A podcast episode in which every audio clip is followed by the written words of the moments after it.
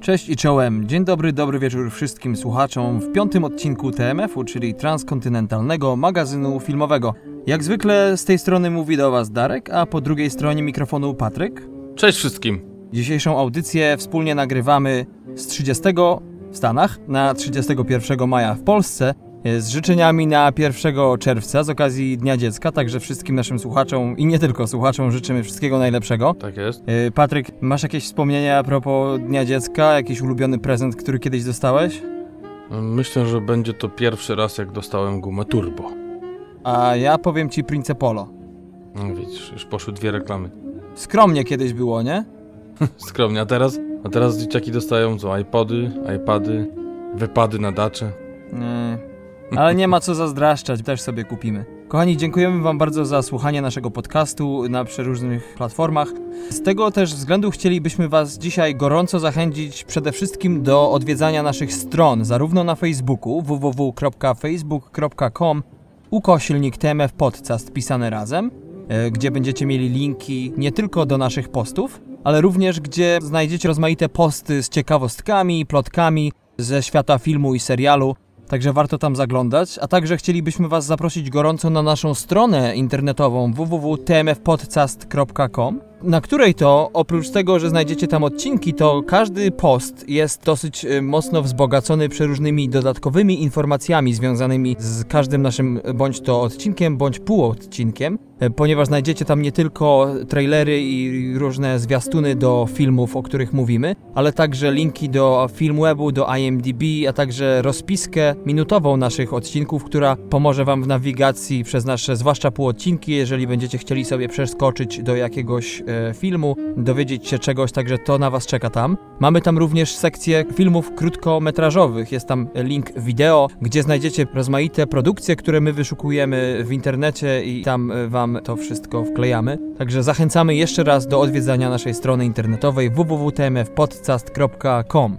Tak, e, oprócz tego, co Darek wcześniej wspomniał, Możecie nas słuchać na różnych platformach. Te platformy to iTunes, y, czy Google Music, SoundCloud, to woli to może być też to odpalone z YouTube'a oraz w formie MP3, czyli takiej, którą można sobie ściągnąć i offline kiedyś tam przy okazji posłuchać.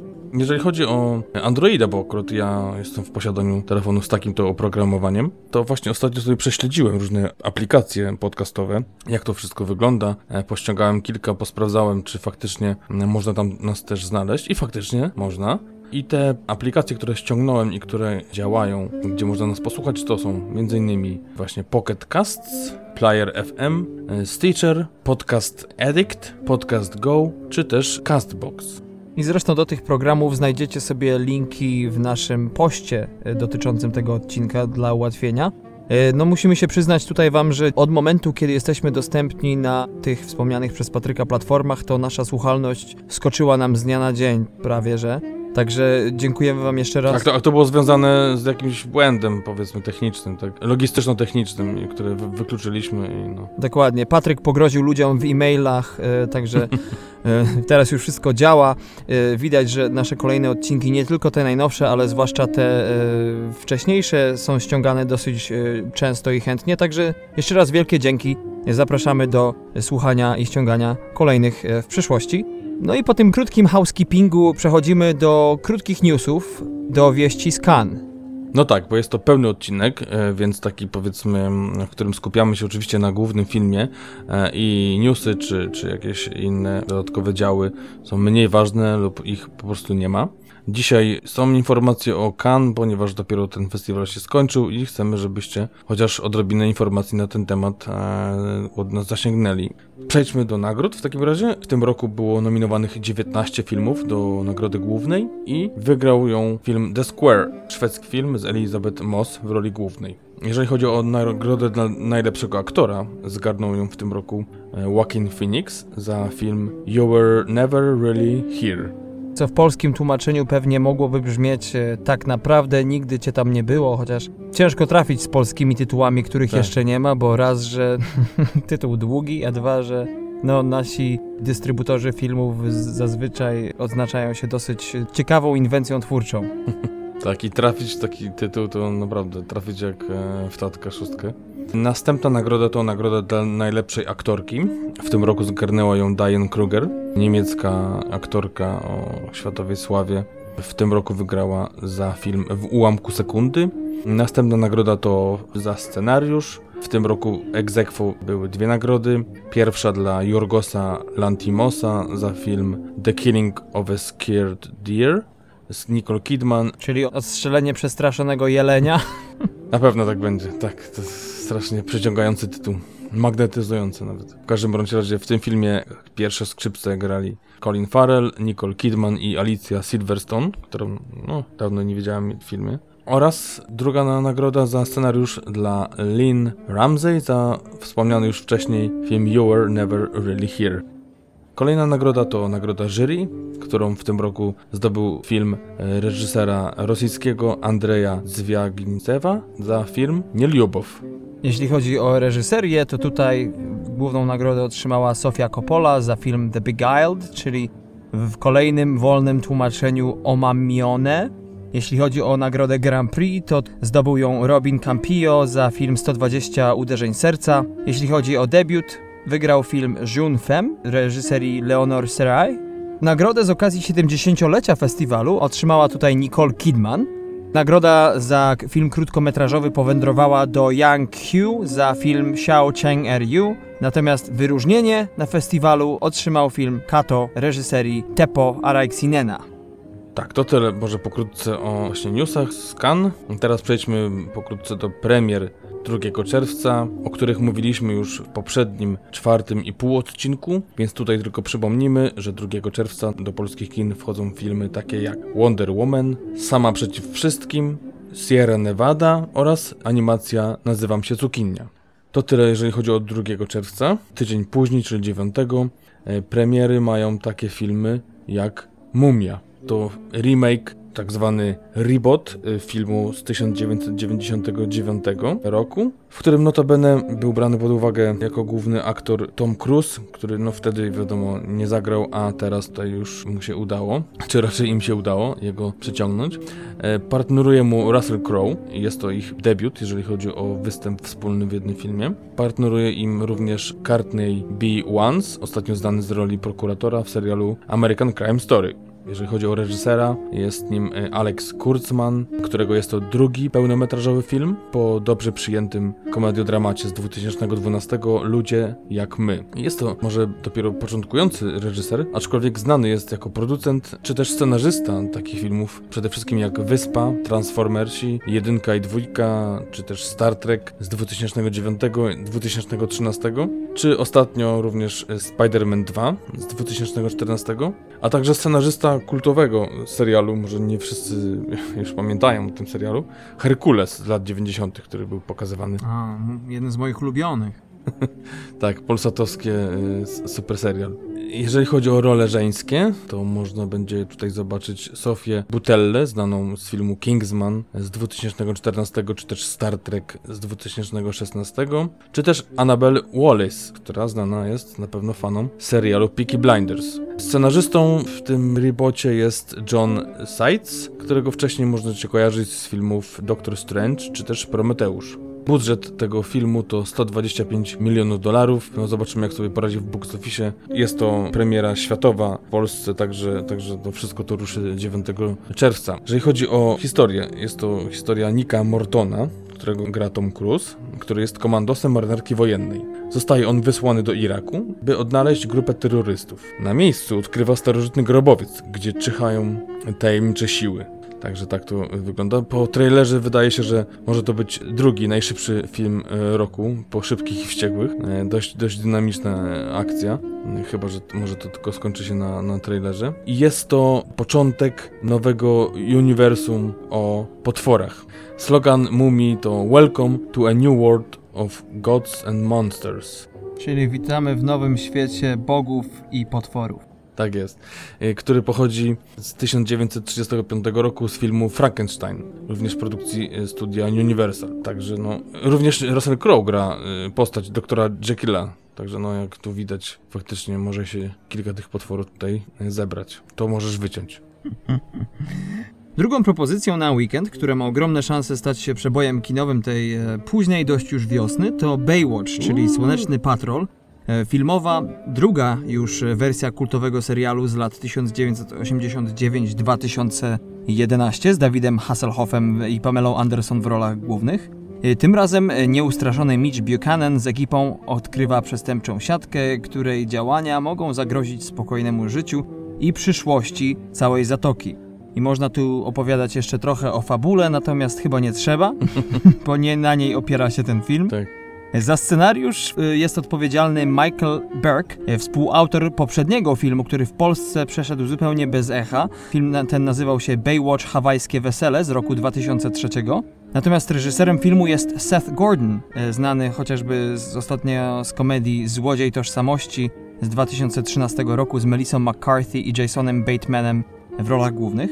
W najnowszej odsłonie Słonecznego Patrolu główną rolę Mitcha Buchanana gra najlepiej zarabiający aktor Hollywoodu, czyli Dwayne The Rock Johnson, a partneruje mu, oprócz tłumu pięknych kobiet i mężczyzn, Zac Efron, aktor z nomen omen polskimi korzeniami, który znany głównie jest do tej pory z filmów dla nastolatek i nastolatków, e, takich jak Hairspray, High School Musical, czy ostatnio z komedii Sąsiedzi z Sethem Rogenem i z Davidem Franco w rolach głównych. Film Baywatch w odróżnieniu od wspomnianego już telewizyjnego poprzednika z 2003 roku tym razem ma szansę zarobić ogromne pieniądze.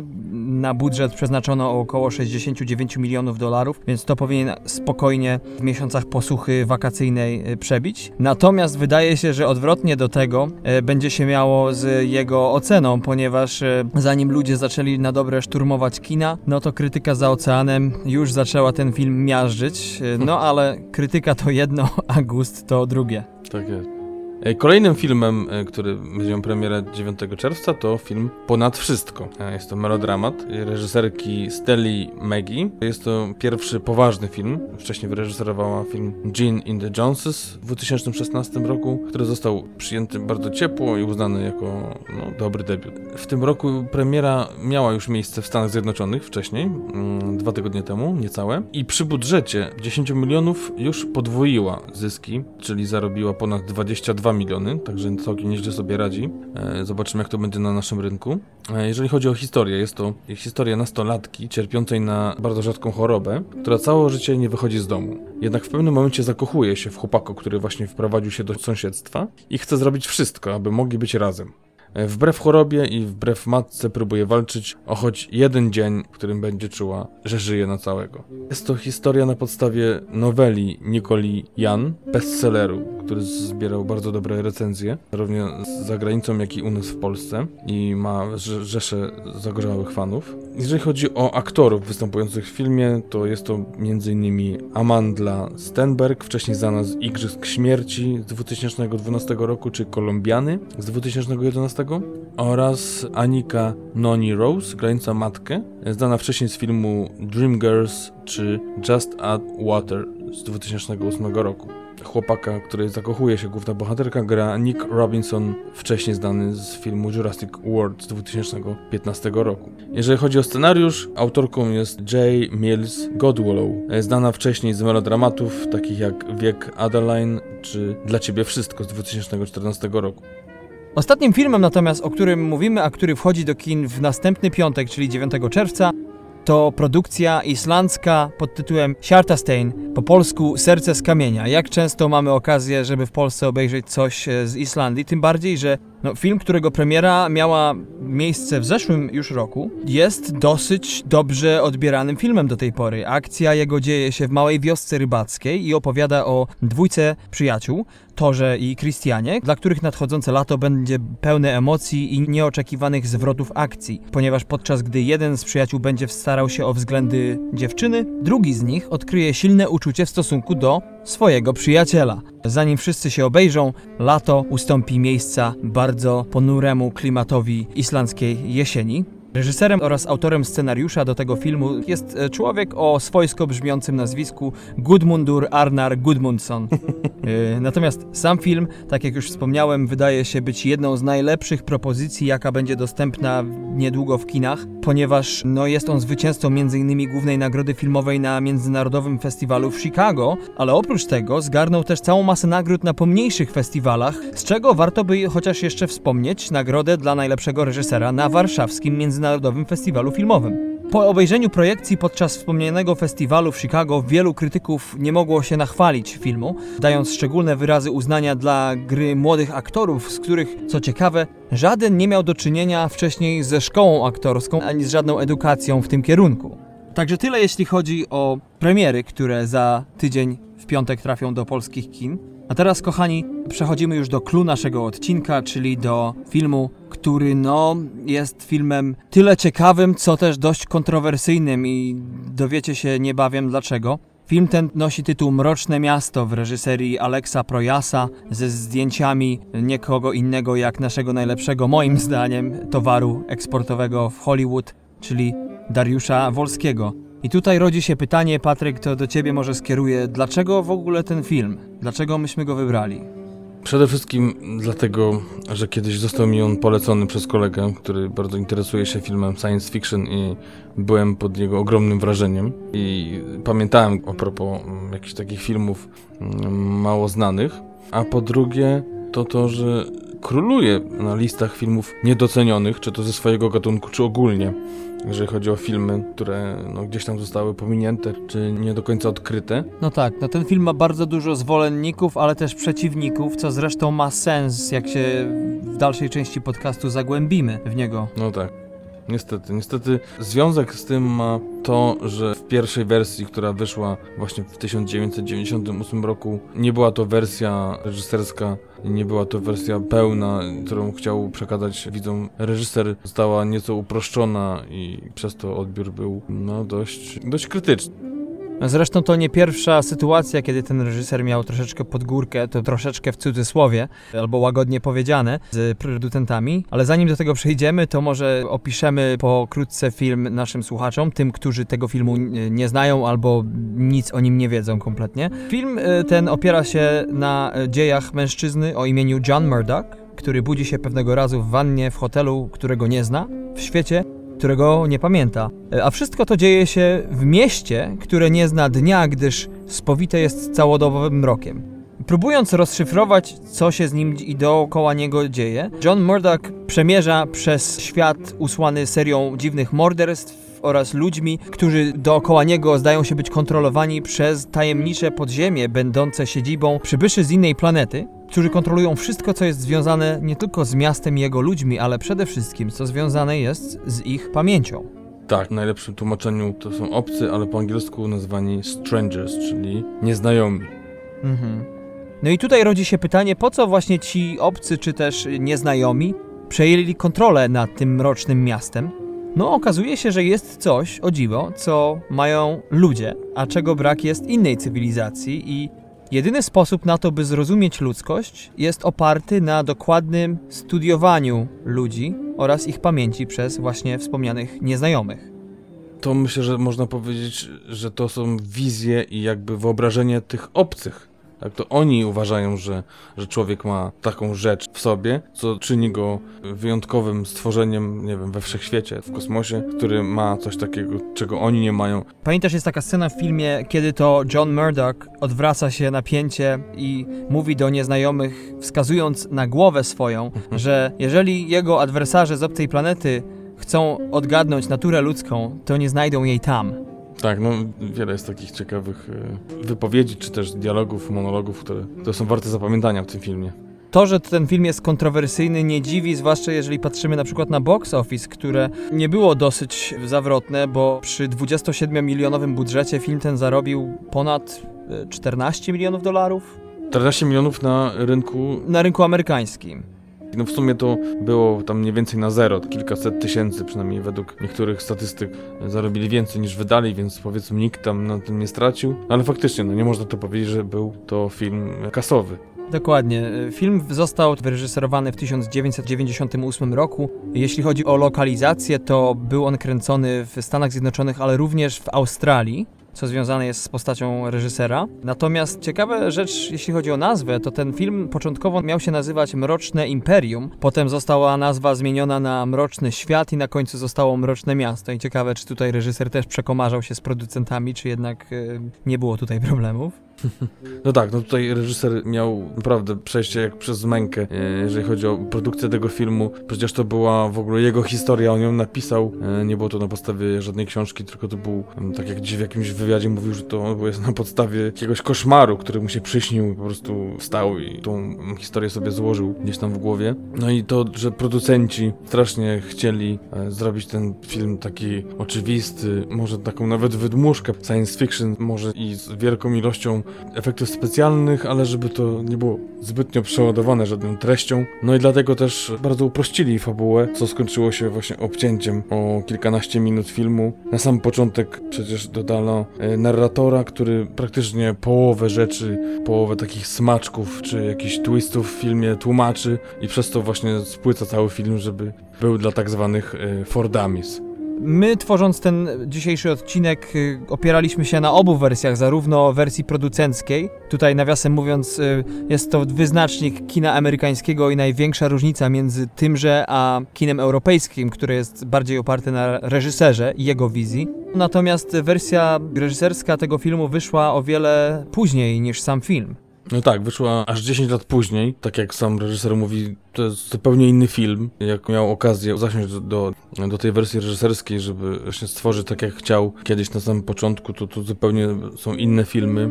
E, kilkanaście minut, około 12 minut jest dłuższy. I przede wszystkim jest jedna z moich ulubionych scen.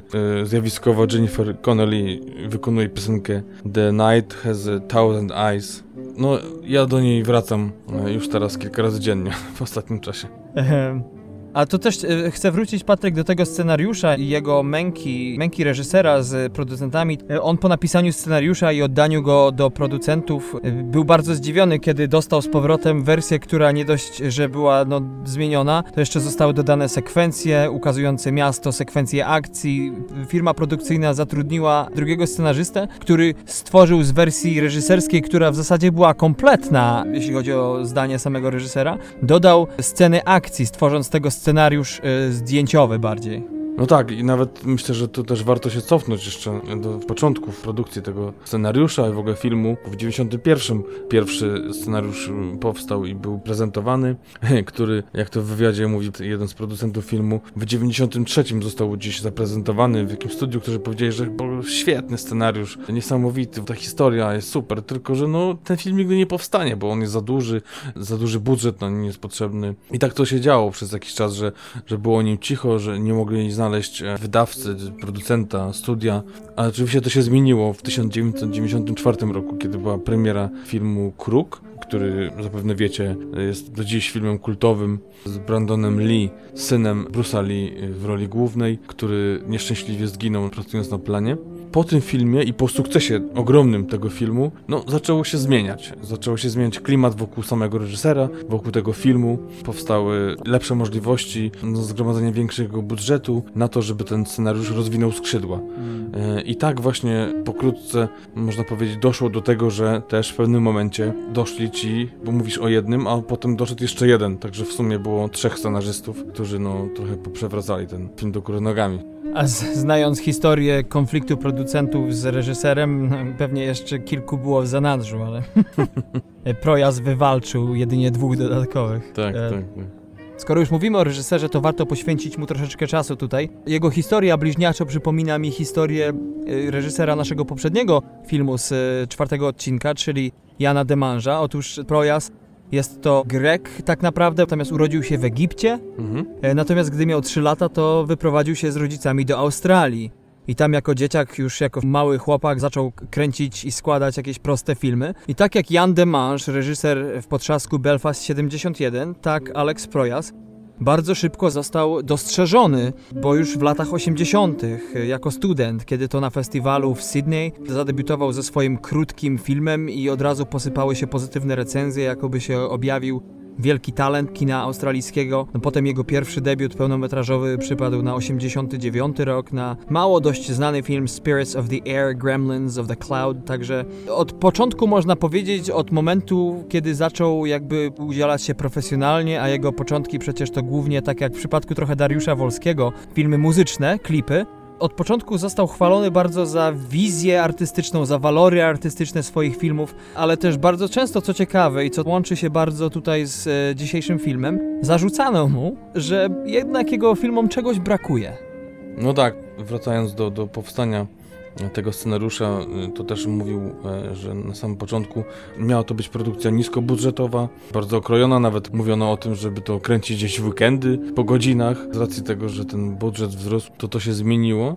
Jednakowoż wracając do tej kwestii, że czegoś tym filmom brakuje, to nie wiem, czy to nie jest właśnie kwestia tego, że taki wpływ mają na jego filmy i na jego wizję producenci i ci, którzy no, wydają pieniążki, które chcą potem dostać z powrotem i nie wierzą w te jego pomysły. Chociaż powiem Ci szczerze, tutaj chyba raczej bym się z Tobą nie zgodził, ale to jeszcze o tym przyjdzie nam porozmawiać, bo bo ja na przykład oglądając obie wersje, no miałem kilka zastrzeżeń, a przynajmniej e, zacząłem rozumieć po raz kolejny oglądając film, dlaczego jest on tak krytykowany lub też dlaczego no, ludzie są bardzo podzieleni na temat, czy jest to film kultowy, no bo wiele przecież jest list e, na internecie, które stawiają Mroczne Miasto jako numer jeden, jeśli chodzi o najbardziej niedocenione filmy science fiction w historii. No tak, to przecież mm, Roger Ebert, legendarny już krytyk, nieżyjący niestety, który kiedyś pogodził się przecież z Vincentem Gallo a propos naszego pierwszego odcinka o Buffalo 66. tak, tak. I, I, to był przecież ten sam rok, notabene. On zachwycił się tym filmem i uznał go za film roku 98 i nawet na liście ulubionych filmów wszechczasów też ten film Mroczne Miasto umieścił. Dokładnie, tym bardziej, że jednak ten film ma bardzo wiele walorów, bo jest wielu krytyków, którzy nie tylko jeśli chodzi o ten film, ale o film wcześniejszy, czyli film Kruk, no nie zarzucali mu tego, że sugeruje się innym innymi filmami, e, takimi jak na przykład Blade Runner e, Ridleya Scotta czy Batmanem Tima Bartona. On raczej był chwalony, że znalazł swoją inszość, jeśli chodzi o styl. Tak, po raz mówił o inspiracjach takimi filmami jak Metropolis, jeżeli chodzi o, o film e, Mroczne Miasto, ale również e, Brazil. Mhm. Także są to no, takie ciekawe pozycje. Chociaż ciekawą rzecz, słuchaj, a propos Metropolis, to tutaj jeden z krytyków kiedyś zauważył, że bardzo dużo jest tutaj wzięte, to chyba nawet był Ebert, bardzo dużo jest wzięte z Metropolis, natomiast w odróżnieniu od tego filmu, świat obcych znajduje się tutaj w podziemiu.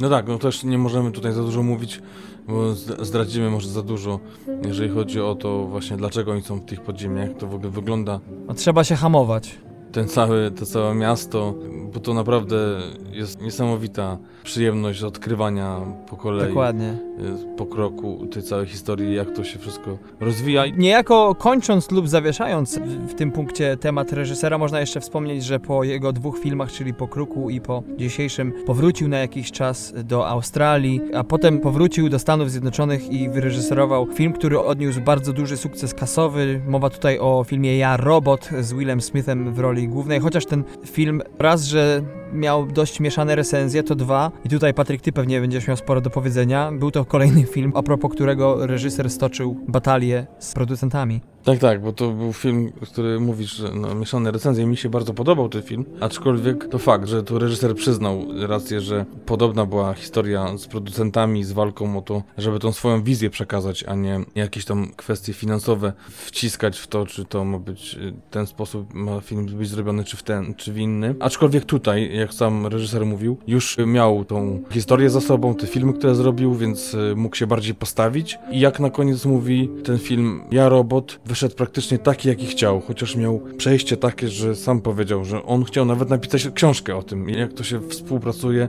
czy antywspółpracuje z firmą Fox, ale potem powiedział, że nie ma czasu, życie jest za krótkie, żeby marnować e, je na, na, na takie bzdury i zrezygnował z tego pomysłu, aczkolwiek mówi, że jeszcze nigdy, ani wcześniej, ani później nie pracowało mu się tak źle i tak musiał walczyć o wszystko, żeby zrobić film taki jak chce, ale właśnie w odróżnieniu do Mrocznego Miasta mówi, że tak naprawdę to jest to, co chciał. Także to nie będzie tak, że znowu za 10 lat powstanie jakaś wersja reżyserska, bo, bo to, jest, to jest to, co chciał i jest z tego filmu dumny. Facet ma naprawdę pecha, bo gdyby Europa dawała takie pieniądze, jakie on chce, e, jakie on potrzebuje na realizację swoich no, wielkich, pięknych produkcji, to to facet miałby naprawdę ułatwione zadanie. No niestety jest powód, dla którego nie robi filmów w Australii, tylko w Stanach Zjednoczonych, a są to głównie pieniądze. Y, Ja jeszcze tylko chciałbym powiedzieć, dokończyć historię Projasa, bo nie wiem jak to będzie w następnych latach, ale myślę, że długo nie będziemy mówić o jego filmach, ponieważ, no nie wiem, tutaj się zarzekał, że ma tę wizję, że, że chce tworzyć filmy takie, jakie sobie wymyśli, żeby mu producenci się nie wtrącali, ale niestety 2009 rok to film z Nicolasem Cage'em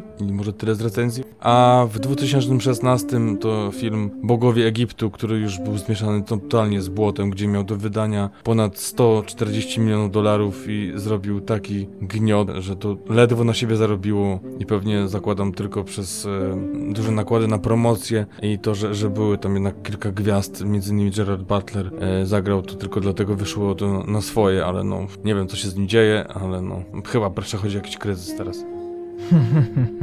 To tyle, jeśli chodzi o postać reżysera. Wspomnijmy jeszcze o aktorach. Dużo się na tym nie będziemy rozwodzili, natomiast o aktorstwie jeszcze sporo powiemy. Trzeba tutaj wspomnieć przede wszystkim Rufusa Sewella w roli głównej. Y, Aktor znany jest przede wszystkim z takich filmów jak Holiday z Cameron Diaz, Kate Winslet, Judem Law, czy też z Iluzjonisty. Oraz ostatnio można go było zobaczyć w serialu produkcji Amazonu pod tytułem The Man in a High Castle na podstawie powieści Filipa K. Dicka. Kolejnym aktorem jest William Hurt, który gra detektywa w filmie. Znany ten aktor jest no, niektórym polskim y, widzom z takiego filmu jak Wszystko za życie z 2007 roku. Jennifer Connelly gra tutaj żonę głównego bohatera. Fani Requiem dla snu na pewno pamiętają ją z roli Marion. Wystąpiła również w takim filmie jak Piękny Umysł, czy też Krwawy Diament z Leonardo DiCaprio. A na koniec Kiefer Sutherland, legendarny już aktor legendarnego ojca, e, który w Polsce głównie znany jest ze świetnego serialu 24 godziny, który zresztą otrzymał całą masę nagród, jeśli chodzi na przykład o Złote Globy w 2007 roku. Kiefer też został najlepszym wtedy aktorem. No czy z filmu Lustra. E, Jeśli chodzi o film, trzeba powiedzieć, że przede wszystkim jest to bardzo wystylizowany film. Jest to połączenie praktycznie filmu science fiction z gatunkiem noir, co zresztą sprawia, że ten film dla mnie jest to film science fiction, jakich praktycznie się nie produkuje, bo e, science fiction bierze praktycznie wszystko.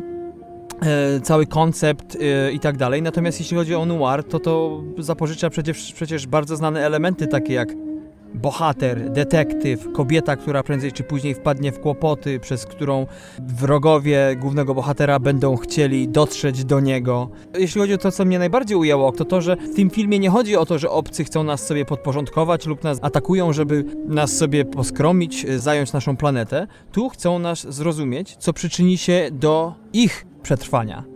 Ja ci powiem szczerze, że to mi zawsze przypomina jeden z występów George'a Carlina, nieżyjącego już legendarnego amerykańskiego komika. Pamiętam, miał taki kiedyś sketch, kiedy się dziwił, że przy tych wszystkich fatalnych, tragicznych rzeczach, jakie my, rasa ludzka, popełniamy non-stop, czy naprawdę wam się wydaje, że obcy zechcą nas zaatakować, chcą nas przejąć, czegoś się od nas nauczyć? Nie mają żadnego w tym interesu obcy, żeby nas sobie zająć i ten film jest zupełnie odwrotnym ujęciem tego. Jest jednak coś, czego oni nie mają.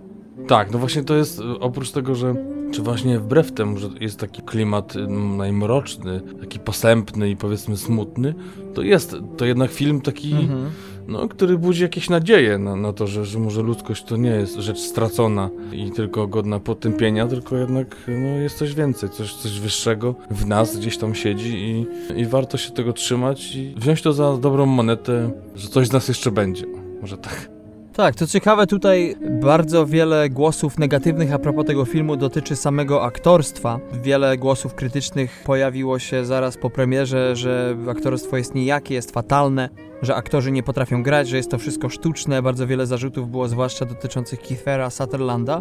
Ja szczerze mówiąc, po kolejnym już obejrzeniu filmu stwierdziłem, że jest to zabieg artystyczny, co bywa tyle bronią reżysera, ile jego jednak y, przekleństwem, ponieważ y, trzeba tutaj sobie powiedzieć, że tak jak aktorzy grający ludzi zupełnie inaczej grają w tym filmie, co budziło we mnie wielki sprzeciw, kiedy po raz pierwszy obejrzałem sobie ten film, bo wszystko to zdawało mi się slapstickowe, zwłaszcza pierwsze 15 minut po prostu nie mogłem usiedzieć i byłem wzburzony. Natomiast no może przez to, że jestem aktorem, to to troszeczkę inaczej widzę. W momencie, kiedy poznajemy tych obcych czy tych nieznajomych i widzimy, jak oni się zachowują, to wtedy wchodzi na przykład tutaj w grę tak zwany realizm.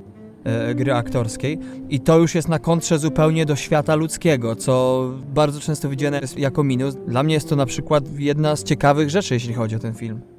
Właśnie mi też bardzo z pierwszego seansu uderzyło to właśnie granie tych głównych postaci, czyli żony, detektywa, czy też głównego bohatera i lekarza. Może mniej główny bohater, ale ta reszta, że to takie było wszystko sztuczne, wystudiowane, takie grane na jakimś schemacie, który wydawał się bardzo nienaturalny i ciężki w odbiorze. Ale właśnie to jest to, czego właśnie musicie się wyzbyć na samym początku i ocenić to wszystko dopiero na sam koniec filmu. Co też sprawia, że bardzo często dozgonni fani filmów science fiction od razu negują ten film. Tak.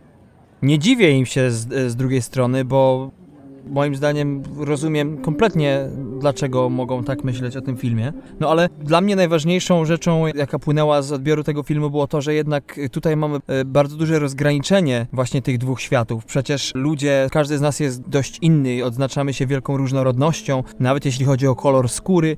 Natomiast w tym filmie jednym z głównych motywów, czy z takich bardziej wystających, jest na przykład motyw indywidualizmu, bo przecież obcy ukośnik nieznajomi nie tylko bardzo podobnie zachowują się, ale też bardzo podobnie się ubierają. No, wygląda to jak odpowiednik ludzkiej subkultury, tylko że ludzkość akurat złożona z wielu subkultur sprawia, że nasza egzystencja jest no, ciekawa, a zarazem problematyczna. Natomiast subkulturowość obcych zdaje się tutaj być bardzo wielkim problemem całej rasy.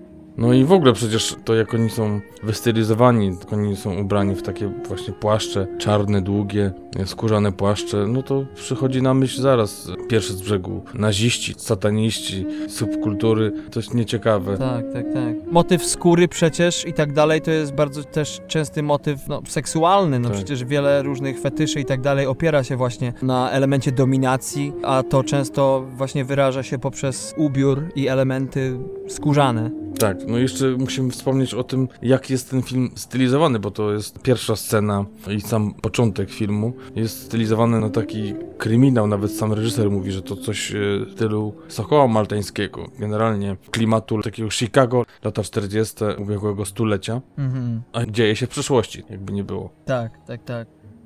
No powiem ci, że ten film e, bardzo mi przypominał grę komputerową. To była najnowsza część, czy wtedy najnowsza Wolfensteina kultowego, Stara Krew, gdzie światem przedstawionym był to świat, który wyglądał na lata 30., 40. i tak dalej. Natomiast wynalazki i rzeczy, które były mhm. dostępne, były rzeczami z przyszłości, chociaż ze względu na dostępność ówczesną różnych narzędzi sprawiały wrażenie ciężkich, ogromnych. W tym filmie akurat dzięki temu, że nasz reżyser jest naprawdę fanem stylizacji, różne takie ciekawostki, niuanse, różne rekwizyty wyglądają intrygująco.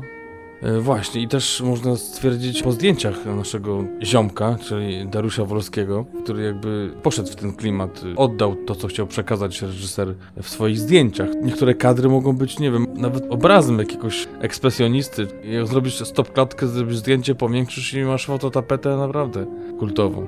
Dokładnie, no tutaj jeżeli nasi słuchacze chcieliby sobie wyszukać, a jest sporo kadrów na internecie z tego filmu, to każdy wygląda jak sesja zdjęciowa, a nie kadr z filmu. Tak. No mi na przykład przypomina ten film bardzo obraz e, Edwarda Hoppera pod tytułem Nighthawks, gdzie właśnie jest połączenie takiej stylistyki, a przede wszystkim gry świateł, bo ten film opiera się bardzo mocno nie tyle na świetle, co na cieniu. Dokładnie. Dzięki czemu na przykład nie widzimy jak duży jest ten świat. No z jednej strony widzimy, że on się ciągnie, ale z drugiej strony przez to, że Mroczne Miasto spowite jest, jak sugeruje nazwa, w kompletnym zmroku, są miejsca niedostępne i Bóg wie, jak daleko się ciągną. Aczkolwiek właśnie jest bardzo skupienie na detalach. Jakby cała historia trzyma nas gdzieś powiedzmy po środku ekranu, podążając za bohaterami, ale gdyby zatrzymać i rozejrzeć się w koło, naprawdę jest wystudiowany ten film, te kadry do właśnie małych, drobnych szczegółów, które też właśnie można obejrzeć z dużą przyjemnością, przeżyć tej pracy, między innymi właśnie naszego Dariusza Wolskiego.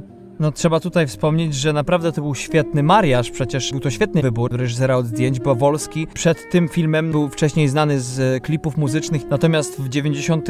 Trzeba przypomnieć tutaj dla nie byle jakich artystów robił teledyski, bo przecież to był Eminem, Eros czy nawet y, Paula Abdul. To nie dziwne, że oni tak dobrze się dobrali, bo przecież zanim nasz reżyser był reżyserem, to przecież kręcił teledyski dla takich znanych twórców jak In Excess, czy też dla Stinga. To tutaj już, wiesz, no nie dziwo, że panowie się szybko dogadali. Może to tak było, że gdzieś się tam poznali przy okazji jakiejś imprezy czy, czy jakimś teledysku. Tak, dokładnie. No wspomnieć tutaj trzeba też, że przed zdjęciami do Mrocznego Miasta Dariusz Wolski zdążył nakręcić zdjęcia do tak świetnych filmów jak Karmalazonowy Przypływ z 95 roku z Gene'em Hackmanem i Denzelem Washingtonem, czy Fan z 96 z Robertem De Niro czy Wesleyem Snipesem, więc. Mroczne Miasto dla niego jest tak naprawdę popuszczeniem trochę lejców, jeśli chodzi o wodze fantazji. Przecież nie tylko kadry, ale też ruch kamery, światła i tak dalej. No jest to bardzo ogromna jego zasługa. Ja pamiętam jak pracowałem jeszcze w Sopocie podczas pierwszego krótkiego serialu, no to pamiętam obserwując reżysera od zdjęć, był to facet, który ustawiał w zasadzie wszystko. On ustawiał i kamerę i rozmawiał z gaferem, czyli z głównym oświetleniowcem i tak dalej. I tyle się mówi, że no reżyser od zdjęć to, to ustawi kamerę. Nie, nie, nie, to jest tak odpowiedzialna praca, że tak jak Kamiński przecież i Spielberg. Spielberga bardzo często się chwali za filmy, to on często zbiera te nagrody, a ja, moim zdaniem to ja już nie wiem, kto naprawdę odpowiedzialny jest za ten film, bo przecież ci panowie pracują ze sobą od dawien dawna. Kamiński naprawdę ogromnie dużo rzeczy wnosi do tej współpracy. No tak, no i potem już rozbrzmiała na dobre kariera Wolskiego, który do dzisiaj, nie wiem czy wiecie, ale brał udział w, i był reżyserem zdjęć w filmach Piraci z Karaibów, do wszystkich oprócz ostatniej części, czy też Marsjanin Ridleya Scotta z Mattem Damonem oraz zdjęcia też do najnowszego Obcego. No i oczywiście, o tym też nie wspomnieliśmy, pracował z reżyserem Projazdem przy jego poprzednim filmie, czyli przy Kruku. Tak, tak, tak. No tutaj trzeba też wspomnieć o Johnie Murdochu, czyli głównym bohaterze. Yy, tutaj od razu rodzi się pytanie, dlaczego on jest wybrany, bo no przecież nie tylko próbuje rozwikłać zagadkę, ale też jeśli chodzi o stylistykę gry aktorskiej, to Rufus jednak naprawdę gra to zupełnie inaczej, przynajmniej moim zdaniem. Z z drugiej strony mamy realizm obcych, natomiast tutaj John Murdoch jednak dosyć yy, no, żwawo i wręcz czasami agresywnie reaguje na wszystko, co się wokół niego dzieje. Nie dziwię mu się z jednej strony, bo przecież stara się uciekać przed czymś, natomiast nie wie tak naprawdę czego szuka. Dokładnie, a jeszcze wracając e, może do tego, jakie były problemy na planach i to, jak to się łączy z e, efektem końcowym, czyli z tymi genialnymi, niesamowitymi zdjęciami, to już oglądając wywiad z producentem i z reżyserem filmu, mogliśmy się dowiedzieć, że jakby e, kręcono na ponad 100 planach zdjęciowych, że bardzo ciężko było znaleźć w ogóle jakąś halę, jakieś miejsce w Sydney, żeby można było kręcić film w środku, w jakimś budynku, nie na zewnątrz i znaleźli największą halę, która w tym momencie był to największy budynek i powstawało tam dopiero studio, więc nie mieli tak naprawdę nic. Puste praktycznie gołe ściany z zerową akustyką. Jeszcze wspominali nawet to, że, że nie wiem, jakieś dziury w tych budynkach musieli sami gdzieś cementem zalepiać, że tam mieszkały ptaki, gdzieś było słychać w trakcie nagrań odgłosy świerszczy i to wszystko było w ogóle, trzeba było wycinać, to tak naprawdę no, nie przekładając i nie szukając za daleko, przypominają mi się nasze tutaj problemy z, z montażem naszego podcastu, tak? Zwłaszcza tego z Nowego Orleanu i Piszu. Tak jest. Także w ogóle, wiesz, to, że w ogóle zatrudnili dosłownie wszystkich stolarzy na telefon, którzy byli dostępni w Sydney, jeszcze dobierali nowych i większość z nich w ogóle nie miała pojęcia i pierwszy raz pracowała przy filmie. Niesamowity był efekt, niesamowita w ogóle praca włożona w ten film i tak naprawdę z niczego, no, powstało dzieło kultowe. Tak, dokładnie. No tutaj, e, jeśli chodzi o motywy, to oprócz wspomnianego już indywidualizmu ludzkiego i na kontrze do niego występującego uniformizmu innych e, obcych czy też e, nieznajomych, to dla mnie dosyć oczywistym takim motywem było coś, co ja nazwałem bycie sobą, ponieważ mamy tutaj już wspomnianych e, przedstawicieli obcej rasy, którzy są bardzo zuniformowani. Dwa, są to ludzie, którzy też jakby z automatu działają w tym filmie. No i jest ten nasz główny bohater, który próbuje cały czas być sobą, ale tak jak już wspomniałem, tak naprawdę nie wie, czego on szuka. Kiedy spotykamy go w pierwszej scenie filmu, nie wygląda on na kogoś, kogo nie dotknęła ręka obcych.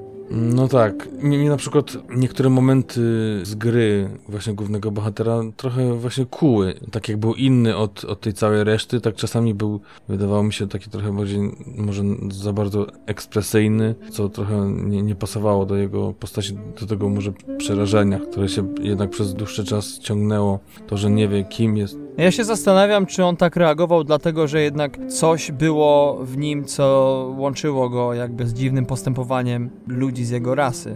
No nie wiem, nie wiem, ale no właśnie to jest to, co mi można powiedzieć, przynajmniej za pierwszym razem nie pasowało. Aczkolwiek też ważną rzeczą jest, i tu też myślę warto o tym powiedzieć, to, że ten film jakby nabiera w cudzysłowie kolorów, bo jest bardzo ciemny, ale, ale nabiera y, takiego kształtu też naszej wyobraźni z każdym kolejnym o, obejrzeniem. Ja Mhm. obejrzałem go niedawno trzy razy, żeby sobie to odświeżyć i naprawdę za każdym razem coś tam się nowego odkrywa i rozumie kolejne rzeczy. I widać jak ta mozaika się składa od początku do, do końca i też jakby te minusy właśnie się zerują, wychodzą na plusy, Mhm. jak się im przyjrzy po raz drugi czy po raz trzeci.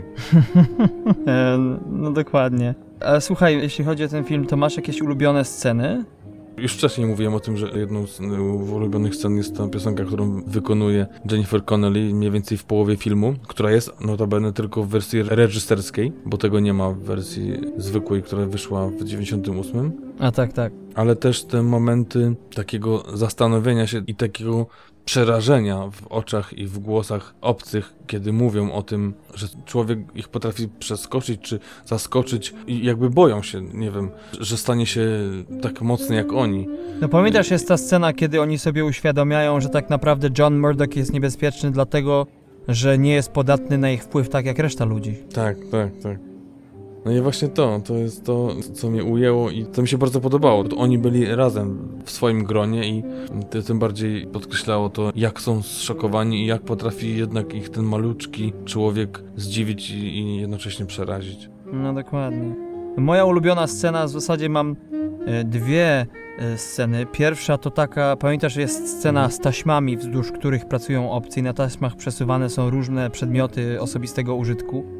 Myślę, że tutaj nie zdradzamy za wiele naszym słuchaczom. Natomiast bardzo mi to przypominało, przez to, że są to jakieś, powiedzmy, swego rodzaju memorabilia, można tak to widzieć. Przypominało mi strasznie obozy koncentracyjne i różne właśnie takie przedmioty, które zostały po ludziach, e, co mnie strasznie dobiło. Nie wiem dlaczego, ale za każdym razem, jak oglądam tą scenę, to coś takiego mi przechodzi przez głowę. No tak, Darku, z tym, że tutaj w tym filmie to też nie chcę za dużo zdradzać, ale ten proces, który się odbywa a propos właśnie tych przedmiotów, to jest odwrotną rzeczą do tego, co było w obozach. Tak. Tak, tak, tak. Dobrze, że to zauważasz. Mhm. Natomiast ja nie mogę jakby wyjść spoza tego pierwszego, jakby wiesz, Mhm. odczucia. Druga natomiast scena, która jest moją ulubioną, to jest, pamiętasz, jest e, taka scena, jeśli chodzi o splot neuronowy. Mhm. Tutaj też za dużo nie zdradzamy, natomiast e, no, tutaj Kiefer Sutherland w tej scenie gra e, lekarza, który łączy różne substancje, które Tak, ek eksperyment gdzieś w laboratorium. Mhm. tak, w warunkach laboratoryjnych tworzą osobowość. Przynajmniej próbują. Tak, przynajmniej próbują, co Mhm. uważam, że jest genialną koncepcją. E, Wcześniej tego, przynajmniej w żadnym filmie wcześniej nie widziałem, chociaż też no, nie można powiedzieć, że wszystkie widziałem, bo pewnie nie widziałem większości filmów na świecie. Jakie są twoim zdaniem plusy tego filmu? Podkreśliłbym jako wartość dodaną, którą mało kto zauważy i pewnie bez podpowiedzi Mhm. ciężko to zauważyć, że w pierwszej scenie, w której poznajemy detektywa i gra on na harmonii, wykonuje utwór stworzony, napisany przez Jerzego Petersburskiego z 1939 roku o tytule Mała błękitna chusteczka. Także to jest taki smaczek. Zresztą ta piosenka stała się międzynarodowym hitem i to jeszcze przed wojną, zwłaszcza w Związku Radzieckim. No i to jest właśnie smaczek, który pokazuje, jak w najmniejszych detalach jest stworzony ten film. Nawet taka, wydawałoby się, melodyjeczka, która tam gdzieś chwileczkę zagra, jest ważna i też mówi coś o tym filmie, bo też nie będziemy się może zagłębiać w tekst tej piosenki, ale jest w takim klimacie, powiedzmy, w stylu tego filmu. A z tych takich plusów y, bardziej dostrzegalnych to cały klimat, to mroczność tego miasta. Strasznie mi się kiedyś podobały filmy o Batmanie Bartona, że to właśnie jest w podobnym klimacie, to wystylizowanie na te lata 40.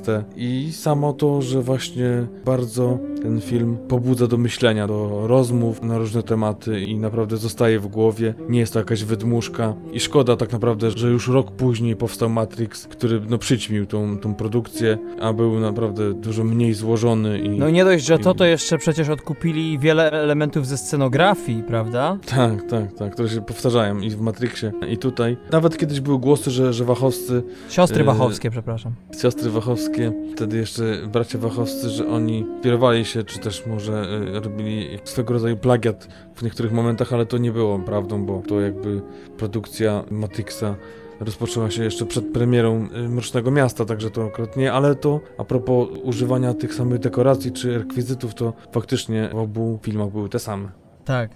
Dla mnie to jest właśnie połączenie niemieckiego ekspresjonizmu z Bazem Lormanem. Mroczny Baz Lorman, reżyser takich pięknych filmów jak Romeo i Julia z Leonardo DiCaprio czy Wielkiego Gatsby'ego.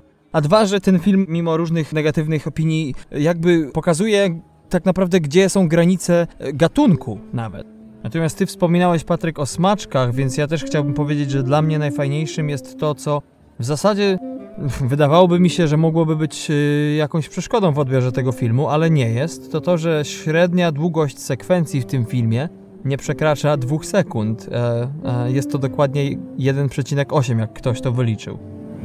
E, także nie zdarza się, że takie szybkie ujęcia no, nie powodują oczopląsu czy też no, jakiejś palpitacji. A jeśli chodzi o minusy, to co byś tutaj wymienił?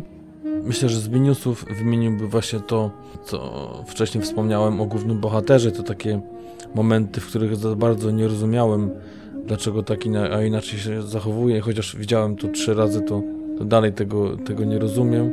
I to, że film wyszedł właśnie bez tego cięcia reżyserskiego, co miało wpływ na ocenę, co zupełnie zmienia się w wersji reżyserskiej. I jeszcze może z minusów, to może nie za bardzo podobała mi się postać Kiefera Sutherlanda i to sposób jego mówienia trochę mnie irytował i denerwował, no ale to może taka rzecz, która tylko mnie gdzieś tam kuła. A tak dla mnie to jest naprawdę film świetny, może nie genialny, ale do geniuszu naprawdę dużo mu nie brakuje. No, ciekawe. Ja akurat e, z Kiferem nie miałem problemu, a to dlatego, że no, jakby wydało mi się to oczywistą stylizacją w filmie. Dla mnie największym minusem jest w zasadzie to, że reżyser przybierając taką formę, czy tak stylizując grę aktorską w tym filmie i rozróżnienie światów obcych od świata ludzkiego, wydaje się nie przejmować tym, że w wielu momentach, a zwłaszcza na początku film praktycznie no, jest wierną kopią każdego filmu noir, który do tej pory powstał. Ale z drugiej strony, no, tak jak mówię, ta stylistyka mu służy, ponieważ nie o to w jego e, filmie chodzi. Ten dość oczywisty użytek konwencji e, w wielu miejscach może wyglądać na wytartą rzecz. Być może przez to, że ta forma jednak jest zbyt no, za, za ostra, powoduje to to, że jednak bardzo wiele osób nie może przestać oskarżać reżysera jakby o bezmyślne kopiowanie wielu filmów e, i o wiecie o niczym. No właśnie to jest, Darku, to co ja też zauważam, e, no ale to jest problem tych ludzi, tak? Ja rozumiem, że to może być problem, ta gra aktorska czy ta stylizacja, no ale to nie może być minus dla kogoś, komu to się podoba i kto to rozumie. Tak mi się wydaje. Wiesz co, wydaje mi się, że tutaj wchodzimy w zagadnienie, przynajmniej ja tak to widzę. Czy ten film ma reżysera? czy tak zwany art direction. Czy ten film jest typowym filmem science fiction lub też nietypowym, czy jest to art house. Bo w art house chodzi o to, że ktoś, kto tego nie zrozumie, to po prostu nie zrozumie i tutaj nikt się na nikogo nie obraża, prawda? No tak, ale ja nie lubię, strasznie nie lubię kategoryzowania. Chodzi o to, że tak jak mówiliśmy, tak, że ta konwencja tej gry się wyjaśnia. Po prostu. To są na tyle dobrzy aktorzy, że yy, może nawet może w inny sposób powiem, to są na tyle dobrzy aktorzy, na tyle strodzeni wcześniej, że ta powiedzmy sztuczność i te, te takie rozegrania już tutaj trąci myszką, że coś jest nie tak, że oni jakby chcieli, to mogliby inaczej, a, a może właśnie to trzeba tak. Ale tutaj się z tobą zgadzam, wiesz, e, ja się staram bardzo zrozumieć przeciwników tego filmu, bo jak ja ci powiedziałem, po pierwszych 15 minutach byłem na nie podczas pierwszego seansu, a potem po prostu przestałem nawet, e, nawet za trzecim razem jak oglądałem ten film, to były momenty, gdzie przestałem notować. A był to moment, mhm. był to seans, na którym chciałem po prostu skupić się bardzo na notowaniu różnych szczegółów, żeby potem ewentualnie o nich opowiedzieć. Także no... Y nie ma tego złego, prawda? Dokładnie. Jeśli możesz, Patryk, to podsumuj krótko ten film oraz e, wystaw mu ocenę od 0 do 15. No tak, nasza oryginalna notyfikacja. Nie ma łatwo. E, w każdym razie, jeżeli chodzi o podsumowanie, to na pewno nie jest to film dla każdego. Na pewno nie jest to film, mm, który zrozumie każdy, ale jednak radziłbym spróbować każdemu. Świetne kino, na pewno autorskie, świetna stylizacja, e, historia, no nie za bardzo idzie się do czego przyczepić i ocena końcowa dla mnie na 15 daje 12. No. No ja ze swojej strony powiem, że jest to przepiękny film o równie trudnym odbiorze. Mhm. Są w nim bardzo poruszające rzeczy, piękne, piękna architektura, wnętrza, oświetlenie. Wszystko to jest na naprawdę wysokim poziomie. No ale nie jest to film dla każdego, co też nie musi być. Na 15 ja temu filmowi dałbym 13, w porywach do 13,5. O. Także tyle, jeżeli chodzi o Dark City, Mroczne Miasto z 1998 roku. Film Alexa Proyasa, czyli e, urodzonego w Egipcie greckiego Australijczyka. Gorąco polecamy. Mamy nadzieję, że zachęciliśmy do tego filmu, że uda Wam się go obejrzeć. Jeszcze taka rzecz tutaj może nieciekawa, czyli jeżeli traficie na wydanie polskie, wydanie DVD tego filmu, to niestety z tego co czytałem i okładka i, i cała taka y, oprawa tego DVD razem z wywiadami wszystko sugeruje, że jest to wersja reżyserska. Niestety nie wiadomo z jakiego powodu. Podobno nie jest to wersja reżyserska, tylko ta wersja krótsza. Także no może z innego źródła gdzieś ten film dostaniecie. Także to tyle, jeżeli chodzi o ten film. Jeszcze raz dziękujemy bardzo Wam za to, że słuchacie nas, że chcecie nas słuchać, że nas e, lajkujecie, przede wszystkim na, na Facebooku. Zapraszamy na naszą stronę facebookową. Staramy się, żeby codziennie była jakaś ciekawostka, czy też jakiś filmik wrzucany, który mamy nadzieję też Was zainteresuje. E, ale również na stronę www.tmfpodcast.com, gdzie również w e, opisie odcinka znajdziecie dodatkowe treści, takie jak trailer, odniesienie do IMDb czy film webu oraz rozpiskę czasową. Oczywiście zapraszamy Was do kolejnego półodcinka, który już będzie dostępny dla Was 8 czerwca, w którym garść newsów e, i odrobina premier zostanie przewinięta lawiną serialowo-filmowych wypowiedzi. Także bardzo serdecznie zapraszamy już za tydzień. A za uwagę w dzisiejszym odcinku dziękuję Patryk, i Darek. Do zobaczenia, do usłyszenia. cześć!